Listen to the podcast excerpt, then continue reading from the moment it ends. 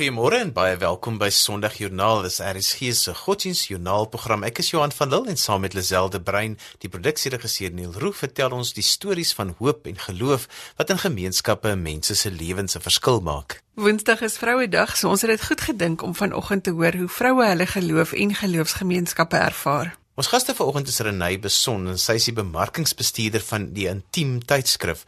Jenna Lee Belong is 'n pastoorvrou en nuusleser en kommunikasiebestuurder Fatima Ali is ook vanoggend by ons en dan gesels ons met Dr Mary Ann Plaatjies van Huffel oor die vroue konferensie wat in Duitsland plaasgevind het vir die groot 500 jaar reformatie byeenkoms waar al die kerke oor die wêreld teenwoordig was. Dankie vir almal se e-posse en SMS'e oor die program. Ons waardeer al die terugvoer en natuurlik vir al die komplimente. Baie dankie daarvoor. Daar's natuurlik heelwat maniere waarop jy na ons kan luister. RSG word op DStv se audiokanaal 813 uitgesaai en Sondagjoernaal is ook saam met heelwat ander programme as 'n potgooi beskikbaar. Jy kan gaan kyk by RSG se webwerf by rsg.co.za. Wanneer jy op die webwerf is, gaan soek sommer by gehoor op lig vir Sondagjoernaal en kies dan die datum van uitsending wat jy wil aflaai. Behalwe vir die potgooi is daar kontakdetail en fotos wat die webmeester Herman Stein vir ons daar laai. As jy sosiale media's kan jy ook Sondagjoernaal se Facebook bladsy gaan like vir al ons inligting daar.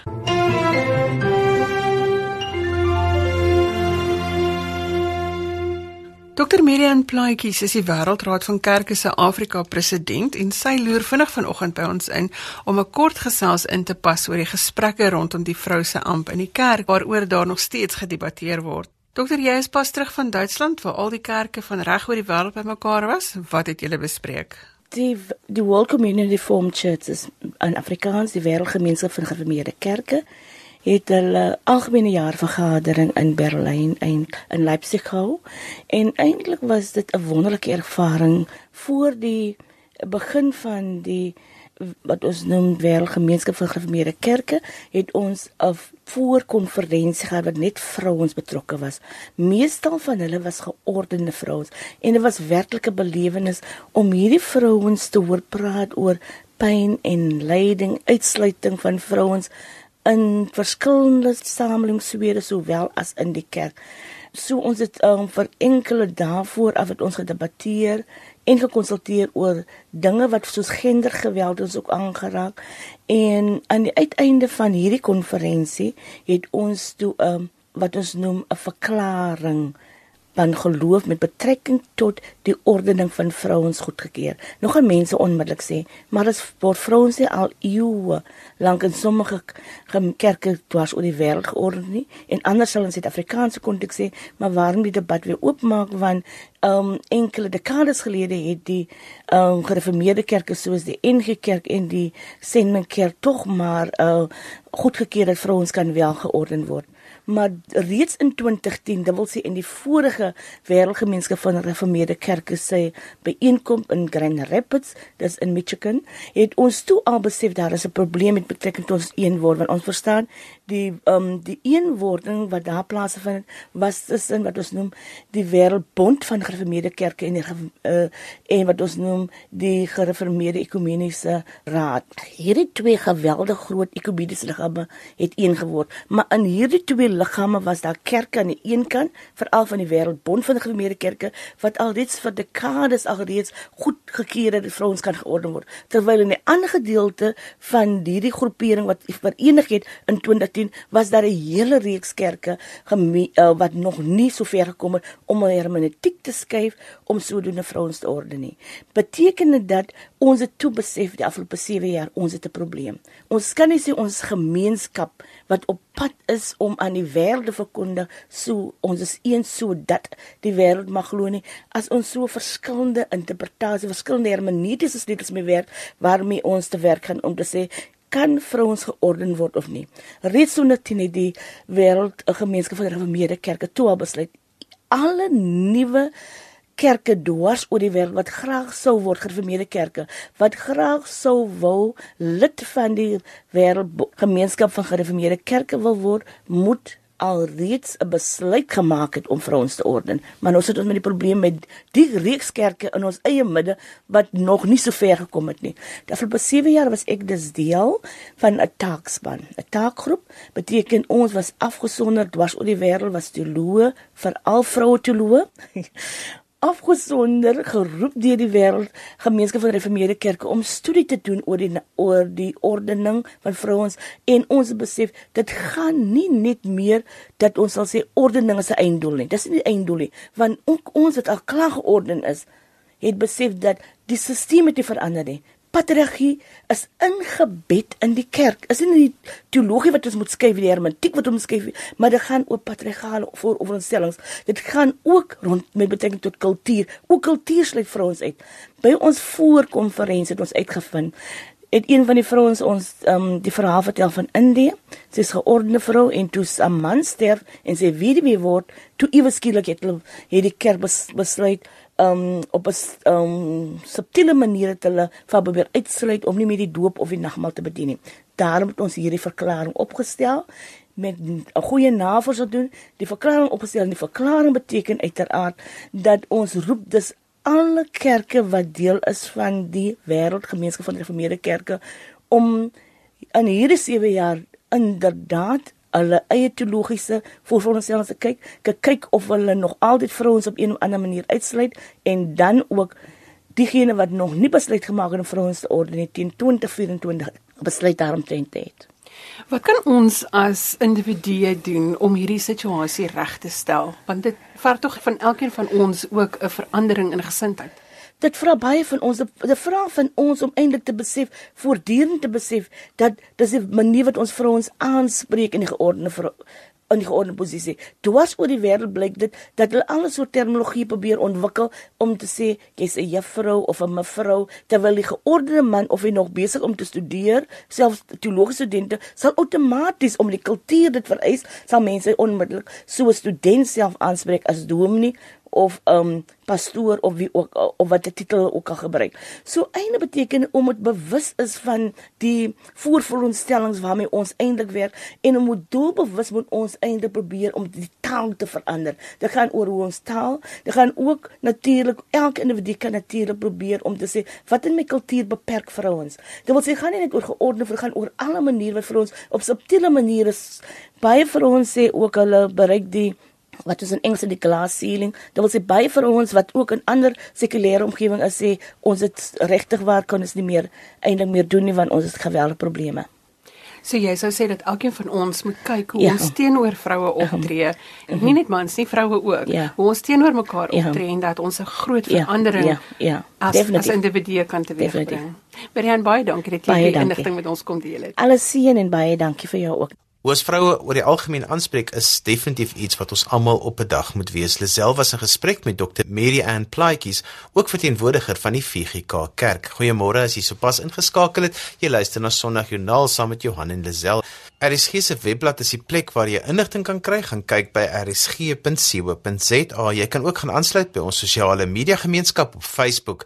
Like die bladsy en al ons programinligting is ook daar gelaai. Jy kan ook vir ons SMS by 45770 teen R1.50 per SMS. Ons musiek kom vanoggend van Rihanna Nel en ons gaan luister na Wys my jou hart. Bly ingeskakel net hier na gesels ons met Renay Bason met ons fokus op vroue hierdie week. Mm.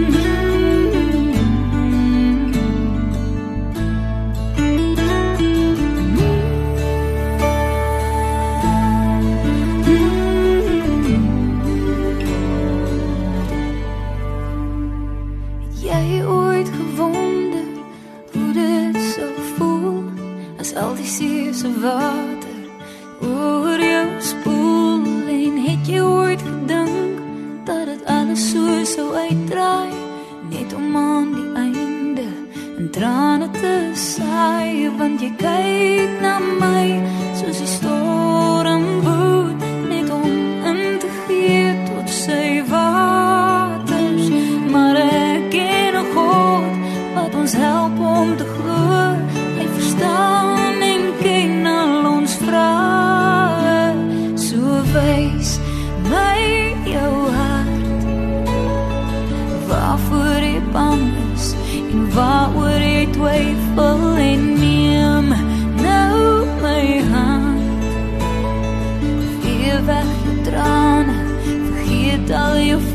Ze in hem deed in triomferslag.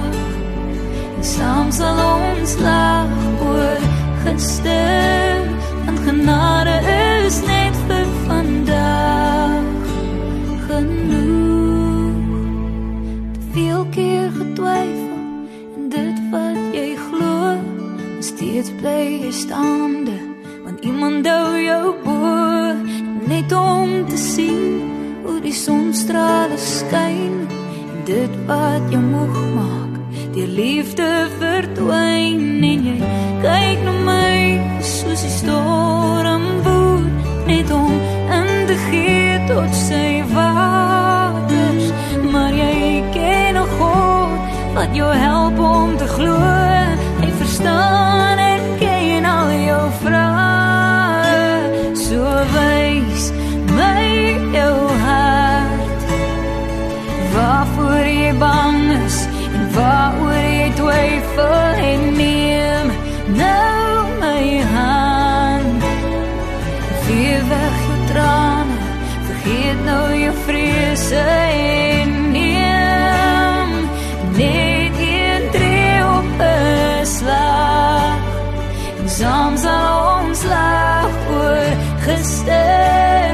genade is net vir vandag. Genoeg want jy kyk na my soos die storm woed net om in te gee tot sy waters. Maar jy ken God wat jou help om te glo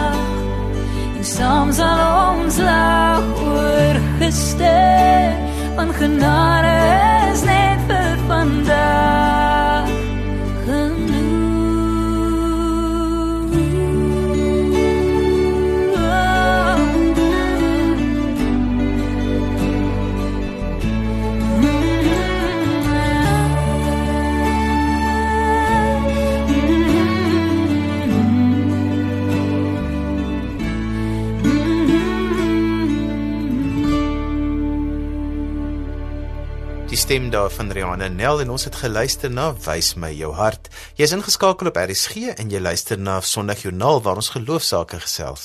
Renée Bason is die bemarkingsbestuurder van die Intiem tydskrif, maar vanoggend gesels ons oor die rol van die vrou as dit kom by die bymekaar hou van haar gesin en ook as dit by hulle spirituele behoeftes kom. Goeiemôre Renée. Môre Lisel. Welkom hier by ons in die Kaap. Dis lekker om jou in die ateljee te hê. Dankie.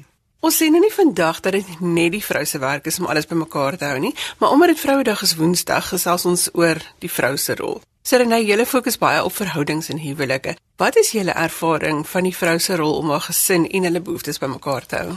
Weet jy Lisel, as ek ek dink as ons kyk na spesifiek die die spirituele of die geestelike behoeftes van 'n gesin, is die vrou se rol waarskynlik kernbelangrik. Want as jy doodeenvoudig kyk na hoe dit vanuit die woord veronderstel is om te werk dat die man die priester van die huis moet wees, kan hy dit nie doen as sy vrou hom nie in staat stel en hom daardie posisie eer in daardie posisie nie. So vir haar om om terug te staan en te sê ek erken jou as die priester in ons huis. En dis 'n voorbeeld ook wat sy dan vir haar kinders stel. Seuns en dogters vir die seun om te sien maar pappa is die priester van ons huis en dit is wat ek veronderstel is om te wees as ek die dag groot is en dan opgelei te word wil ek amper sê in daardie rol. Dieselfde aan die aan die dogter se kant om te weet maar dit maak mamma glad nie swak in die gees nie. Inteendeel, mamma moet ook sterk wees in die gees om pappa te kan ondersteun in daardie rol van hom. En dan dink ek omdat 'n vrou baie meer emosioneel is as 'n man, 'n man is mos maar gemaak om te presteer want dit is soos Adam gemaak is en 'n vrou om dan die die helper te wees, om bewus te wees van emosionele behoeftes van die gesin. Is 'n vrou net meer ingestel om dit wel te doen.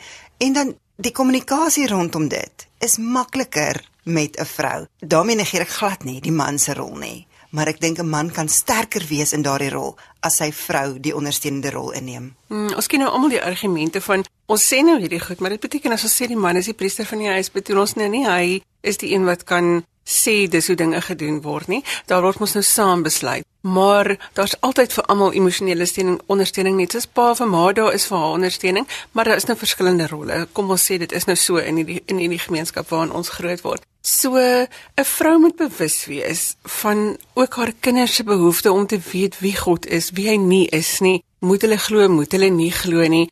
Waar tel sy hierdie drade op? Hoe bied sy daai ondersteuning? Weet jy, ek dink baie het te doen met mense verwysingsraamwerk en wanneer jy uit 'n verwysingsraamwerk kom waar dit in die huis waar jy groot geword het dan so gewerk het, is dit soveel makliker. Maar ons lewe in 'n gebroke wêreld, nê, nee, waar ons baie keer nie daardie verwysingsraamwerk het nie. En dan moet jy dit op 'n ander plek gaan soek en die die beste plek om na te gaan om te sê, hoe moet ek wees? Waar is ek veronderstel om te leer? Is dood eenvoudig uit die woord uit en aan die voete van Jesus om te weet hoe moet ek optree. Ek het iemand hoor praat en die persoon het verwys na die pa wat die figuur van God die Vader in 'n gesin is en die ma die figuur van die Heilige Gees. En dit het vir my soveel sin gemaak want die Heilige Gees is tog die trooster en en heeltyd daar. En dis tog 'n mamma se se raak, se hou vas van 'n babatjie. Die mamma speel tog die grootste rol by die daai eerste paar dae in 'n in 'n kind se lewe. Die pappa verseker, die pappa is die een wat gaan gaan werk, gaan inbring, gaan versorg in 'n totaal ander rol. En dit maak vir my soveel sin as daardie twee rolle dan reg is. Dan het jy verseker 'n goeie verwysingsraamwerk vir jou kinders en 'n goeie milieu om hulle in in op te voed, maar die twee kan nie onafhanklik van mekaar werk nie. En soos wat die Heilige Gees daar is om ons ook te herinner en en altyd te wys na Jesus is die ma se rol dan ook altyd om pappa te erken as die hoof van hierdie huis want ons kan nie daarvan wegkom nie. Die pa is verantwoordelik vir sy gesin wanneer dit by die beskerming geestelike beskerming ook kom. So hy is een wat sê kan nie die kan nie daai want dit is nie God se plan nie. As dit ontbreek moet mamma in daardie rol in in staan maar as dit die ideale samestelling van 'n gesin is gaan pappa verseker die hoof van die huis wees en besef dat sy rol deel uitmaak van om sy gesin geestelik te beskerm en geestelik voort te gaan. Dis wat die priesters ook gedoen het. In die Ou Testament het die priesters die verantwoordelikheid, die geestelike verantwoordelikheid vir die volk gevat. Dit beteken nie die volk het nie nog steeds foute gemaak en afgedwaal nie, maar hy was verantwoordelik om dan te sê: "Nee, kom ons kom terug na waar ons moet wees." in ons stand met die Here. So waarvoor moet 'n ma bedag wees as haar kinders na toe kom en hulle sê vir haar mamma, ons het nou vandag by die skool gehoor dat Jesus eintlik nie regtig gelewe het nie. Sjoe, dis moeilik nie want jy kan nie dit wat iemand anders glo in jou kind tot 'n leenaar verklaar wil ek amper sê. Dis dood eenvoudig daardie persoon het dan nog nie die lig gesien nie waarom dat dan vir jou kind te sê, maar weet jy liefie, ons het hom ook nie gesien nie, maar uit wat hy in ons lewe doen, weet ons dat hy daar is. En dan met 'n mens, dis so belangrik dat jou kind deel van jou leefwêreld is om te om te weet, ons vertrou hierdie ding. Ons vra hierdie en ons bid saam en dat die kind dit sal hoor en die kind sal weet Hierdie is op hierdie stadium 'n redelike krisis in ons lewe. Kom ons bid as gesin saam en ons vertrou die Here daarvoor. En wanneer dit gebeur, dan met die kind dit ook deel en sê, sien jy dit? Mense kan dit nie doen nie. Dit is waar die Here dan nou te teenwoordig is en tot ons redding gekom het. Hoe die situasie kom mag wees. En dan om 'n balans te hou tussen, weet jy wat? Ja, ons behoort aan die Here, ons is afhanklik van die Here, maar dit beteken nie dat ander mense ons geen genade vir hulle het nie want God het genade vir hulle en God het hulle ook lief. So ons kan nie hulle dood eenvoudig net uit ons lewe sny nie. Wees dan voorbeeld in jou optrede vir die persone wat so sê, maar moenie vir hulle gaan sê jy weet nie waarvan jy praat en en en nie. Ons is wonderstel uit om uit ons lewe so te leef dat ander sal sien iets is anders in ons en dit is dan die enigste wat anders is is dat ons dan aan God behoort en hulle nog nie daardie pad geken het nie. En ons het dieselfde kon deurtrek na die huwelik toe nie. Sommige mense sê die man is die hoof van die huis, die vrou is sy ondersteuner. Ander mense sien dit anders. Hulle dis hulle is in 'n 50-50 verhouding. Hulle dink die vrou kan dieselfde plek inneem as die man, maar daarvoor moet 'n mens dan nou ook dieselfde inslag hê. Absoluut. Weet jy, 'n huwelik is is definitief nie 50-50 nie. 'n Huwelik is 100-100. Altyd met 100 insit 'n egskeiding is 50-50 want jy kan net nie daaruit wen nie. Jy gaan definitief um, niemand wen wen daaruit nie. Maar as ons dan sê mens moet ook daardie balans regkry, beteken dit nie die feit dat die vrou die hulp vir die man is, is hy enigstens minder werd as hy nie en minder waardig nie. Inteendeel, Daar's soveel huwelik en dit is my so mooi in 'n huwelik as 'n man terugstaan en sy vrou absoluut die vryheid gee en die ondersteuning gee om optimaal te wees wat die Here haar gemaak het om te wees en hy's glad nie geïntimideer daardeur nie. Inteendeel, sou sy dit nie kon doen het hy nie haar so ondersteun nie want hy weet wat sy stand in Christus is, hy weet wie hy in Christus is. Dit beteken glad nie dat sy nou skielik die hoof van die huis is nie, want in die geestelike riem werk dit nie so nie. Kom ons praat 'n bietjie met Renay, die Christelike vrou in die media wêreld.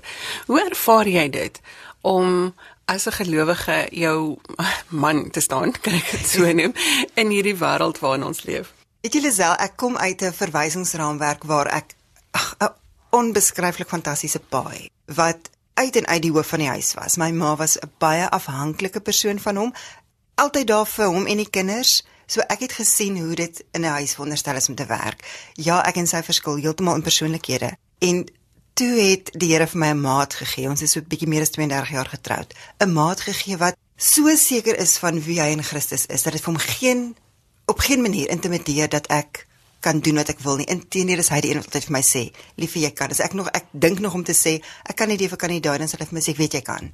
En my 100% ondersteun in wat ek doen. En vanuit dit en baie keer, baie keer in die aand as ons reeds in die bed lê, ons is reg om te gaan slaap, wat hy vir my sal sê, "Liefie, kan ek gou vir jou bid?"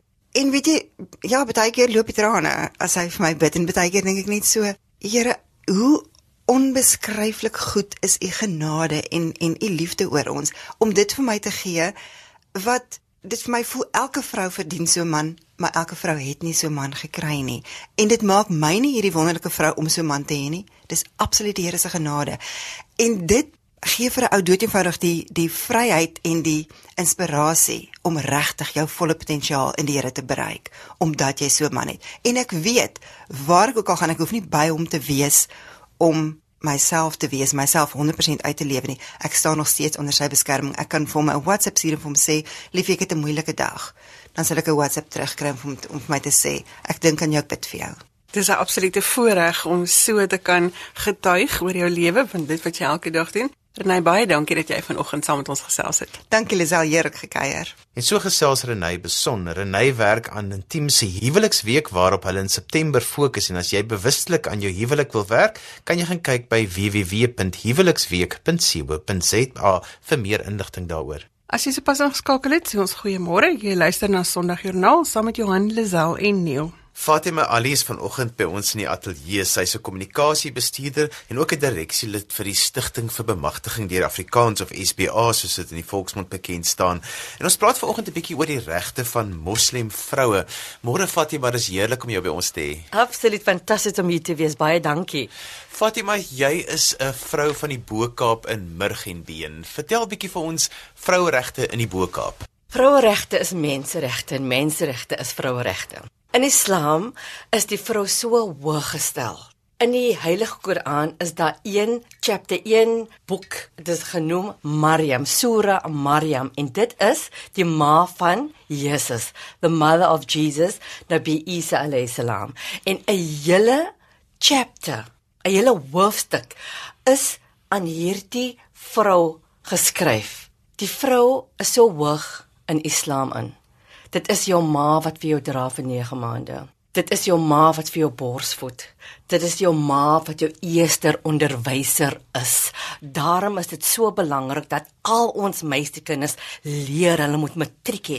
Hulle moet 'n graad behaal. Hulle moet 'n professionele ervaring hê.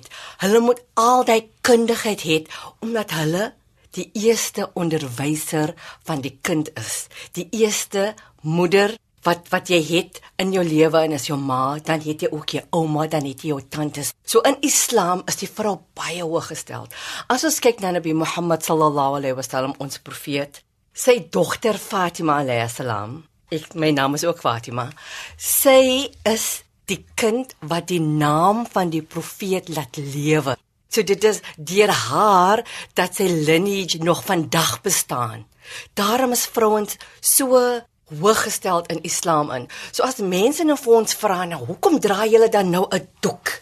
Dis ek ja, maar hoekom vra jy nie vir Mother Teresa hoekom dra sy so mooi toe nie? Hoekom word jy vra altyd gevra aan die moslim vrouens wanneer as 'n mens in ander lande ingaan, al is mense nie moslim nie, maar die kultuur van daardie gemeenskap is hulle dra toe, word hulle nie gevra hoekom jy toe dra nie.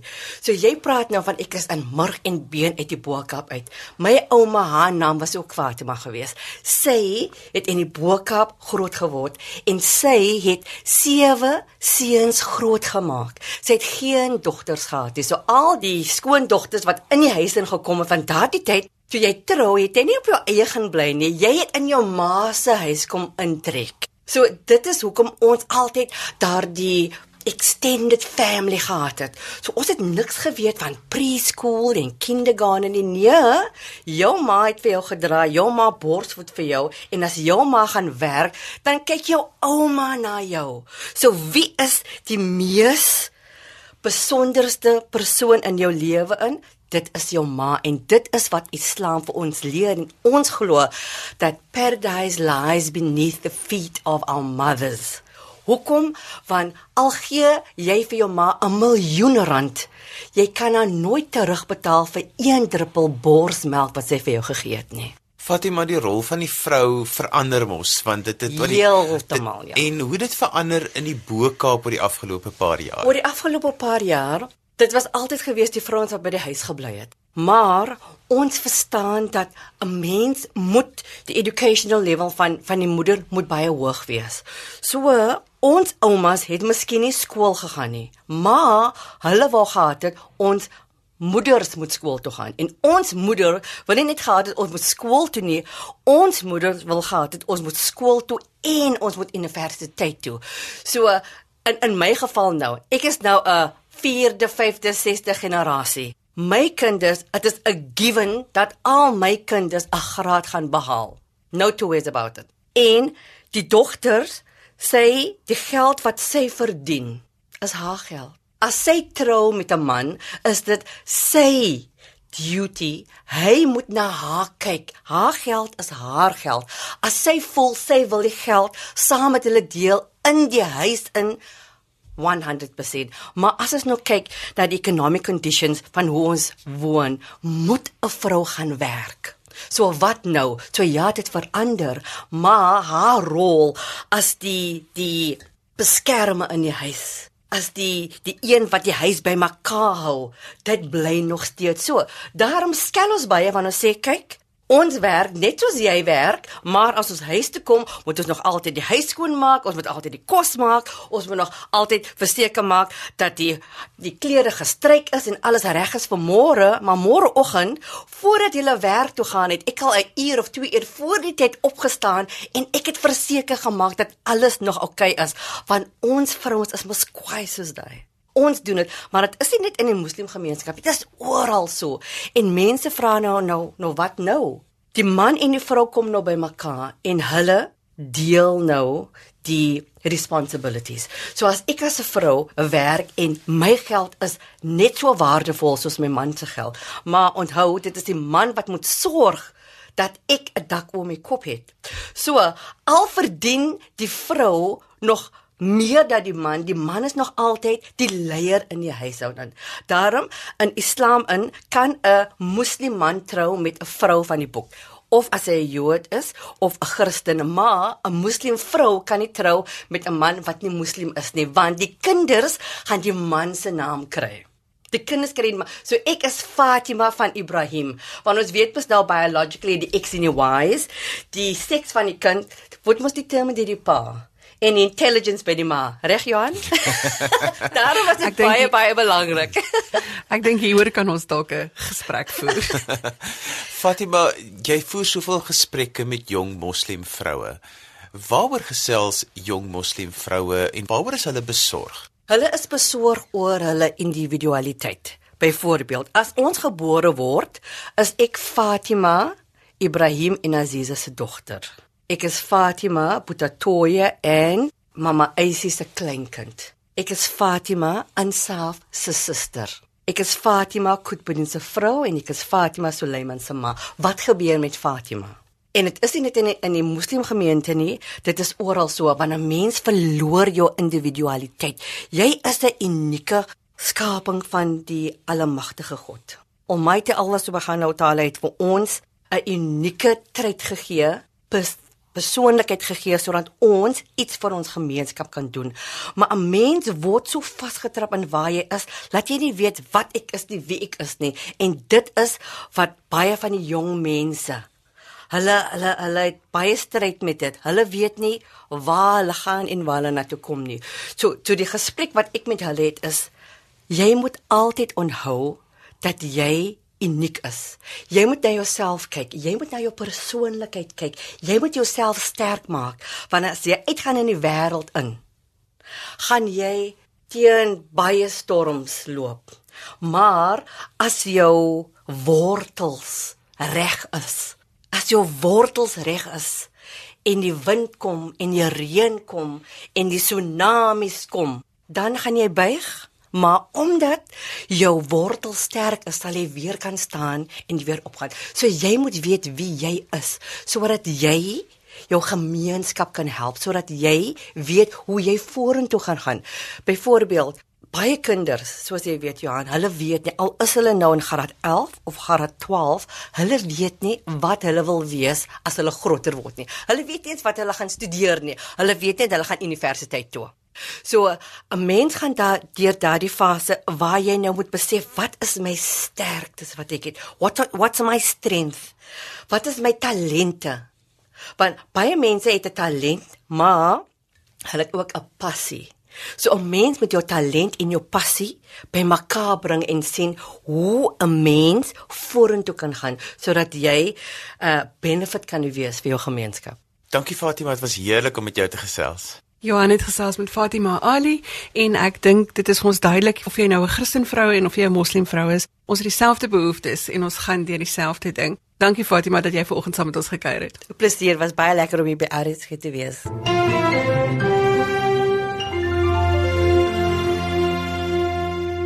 Goeiemôre, as jy se pas ingeskakel het, jy luister na Sondagjoernaal saam met Johan Lazelle. Neil is ons tegniese regisseur. RSG se webblad is die plek waar jy inligting kan kry. Gaan kyk by rsg.co.za. Jy kan ook gaan aansluit by ons sosiale gemeenskap op Facebook. Vir ons groet gesels ons eers met Jenna Lee Belong. Jenna Lee Belong is 'n sosiale media bestuurder en sy kuier dikwels in ons sitkamers wanneer sy vir ons die nuus op televisie bring. Vanoggend praat ons oor nuus van 'n ander aard. Goeiemôre Jenna Lee. Goeiemôre Lisel en ook aan die luisteraars. Hoe wonderlik om weer 'n bietjie op RSG te kuier. Ja, jy het self mos op RSG aangebied as ek reg is. Dis reg. Ek eh, radio is in my bloed en RSG is waar die goedheid en guns um eintlik gestalte gekry het. Ek van jou is vir jou vra Gina Lee. Woensdag vier ons Vrouedag en dit beteken nou verskillende dinge vir verskillende mense. Ons fokus vanoggend egter op jou geloofspad. Waar het jy groot geword en en hoe het jy by nuuslees uitgekom? Ek is in Robertson gebore in die Weskaap en Bonnievale groot geword saam met my ma, my ouma en my drie ooms. En ehm um, ja, pad gestap van daar op die ouend in Woester gaan bly nadat my ma getrou het en uh in Woester groot geword, oefenskool, skool gegaan, Woester sekondêr tot en met graad 9 gedoen waarna ek my matriek op die ouderdom van 15 gedoen het deur middel van korrespondensie. So, ehm um, my uitsaai loopbaan het ook in Woester begin op die ouderdom van 15 waar ek by 'n gemeenskapsradiostasie begin uitsaai het en ek soos wat mense wat my ken sal weet ek het ek het nooit ophou uitsaai nie. Ek saai al uit vandat ek 15 jaar oud is. Ehm um, van Vallei FM in Woester gegaan. Ek het by Streekskoerant 'n draai gaan maak. Um, ek was skakelbeampte vir die Nasionale Instituut vir Dowes en op die ou en by RSG en van daar tot binne in mense se sitkamers, hulle televisiestelle by een nuus. So dis 'n redelike lang pad Lisel wat in of dit gevoel soos 'n lang pad wat in in 'n in 'n kort tydjie gestap is, wat ek hom lief so noem. Nou ons ken almal die uitdrukking goedheid en guns wat jy gebruik aan die einde van die nuus wanneer jy afsluit. Daarom wil ek vir jou vra watter rol het geloof in jou lewe gespeel?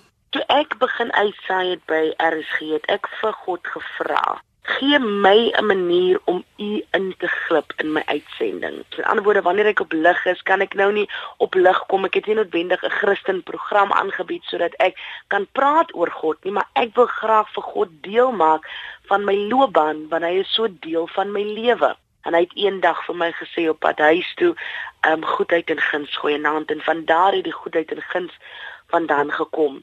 Maar wanneer ek sê goedheid en guns, bedoel ek soveel meer as net die ehm um, die versie in die Bybel. Ek bedoel dat dit is my gebed vir my luisteraars en my kykers. Dit is ook my getuienis want was dit nie vir die goedheid en die guns van die Here oor my lewe nie sou ek voorwaar nie weet waar ek is vandag nie. Ek kom uit 'n plek waar ek op die ouderdom van 18 jaar getrou het ehm um, geskei was na 'n paar jaar. Ek was in 'n gewelddadige huwelik. Ek was ehm um, verkrag meer as een keer in my lewe. Um ek het op 'n stadium in 'n plakkerskamp gebly in Zwelithemba aan Woester. So jy kan jouself indink om van uit 'n sinkhuis in 'n plakkerskamp tot op nasionale televisieskerms te kom. Ek kan geen eer daarvoor vat nie, dit is net God.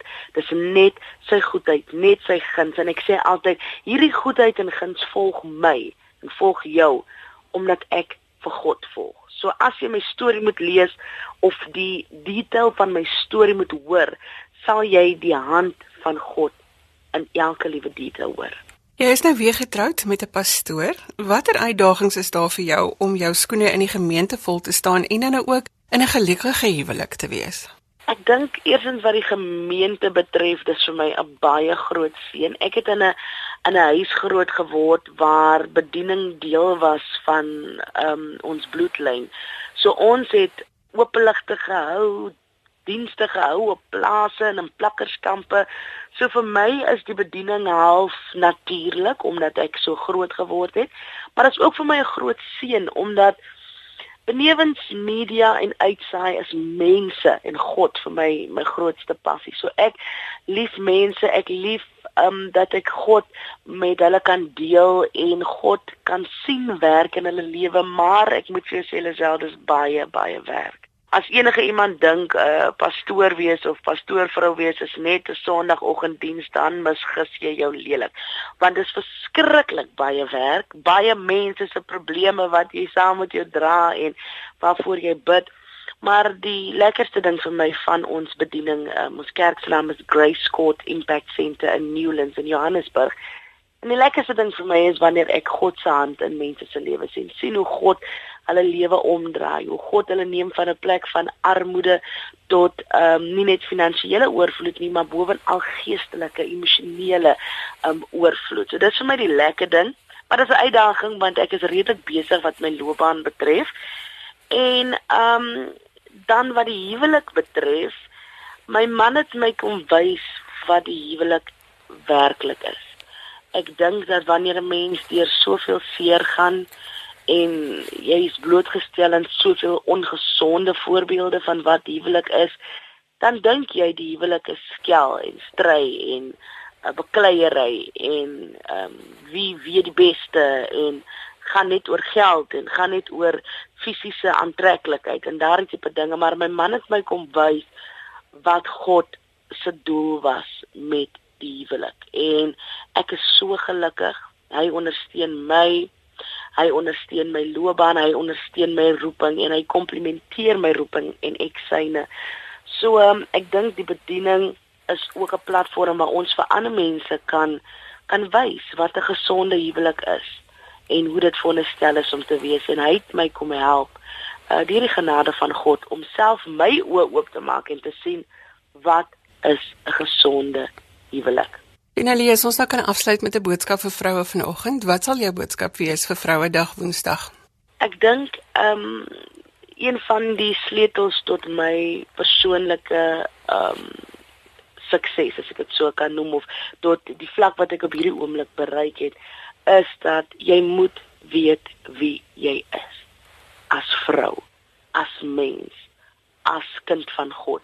Weet wie jy is. Daar's baie dinge mense ehm um, media wat jou identiteit probeer beïnvloed. En as ek kyk na die Bybel dan sien ek watter groot rol selfs vir Ester haar identiteit en die die revealing as ek dit so kan stel van haar identiteit gespeel het in haar roeping. Weet wie jy is. Weet wie God sê jy is. Sodat wanneer mense wat jou wat jou boelie, mense wat teneer kyk op jou, mense in die bedryf wat jou probeer sê wie jy is. Wanneer hulle probeer vir jou sê wie jy is, is dit so moeilik om jou te oortuig want jy het hierdie vaste wete dat God sê jy is meer as 'n oorwinnaar. God sê jy's beeldskoon. God sê jy's sterk. God sê jy's waardevol en dit is wat saak maak. Die sleutel tot jou volgende vlak lê in die wete, die kennis en die blootstelling van jou ware identiteit in God. Daar sê ons sê sit jou kroon op as koningskind en dra hom met waardigheid. Jenny baie dankie dat jy vanoggend met ons gesels het. Baie dankie Lisel en 'n goedheid en guns. Lisel was 'n gesprek met Jenna Lee Belang en daarmee is ons ook aan die einde van vanoggend se program. Dankie vir al ons gaste. Ons het gesels met Renée Beson en sy is die bemarkingsbestuurder van die Intiem tydskrif. Jenna Lee Belang is 'n pastoor, vrou en nuusleser en ons het ook gesels met kommunikasiebestuurder Fatima Ali en die Afrika president van die Wêreldraad van Kerke Dr. Mary Ann Plaatjies van Huffel. Ek groet tot later vanmiddag vir ons in die onderwys. Tot dan van my Johan van Lille. Totsiens. Epos vir my met kommentaar as jy 'n geloostorie met ons wil deel by Lazel by www.media.co.za of jy kan ook vir ons 'n boodskap deur die webwerf stuur by rsg.co.za. Volgende aan die beurt is gewoonlik is Jermaine M Hansen vir die Bybelstorie en net daarna die agternuus. Tot volgende week dan groet ek ook namens produksieregisseur Neil Roo. Gemaak 'n verskil in iemand se lewe en wees lief vir die vroue in jou lewe.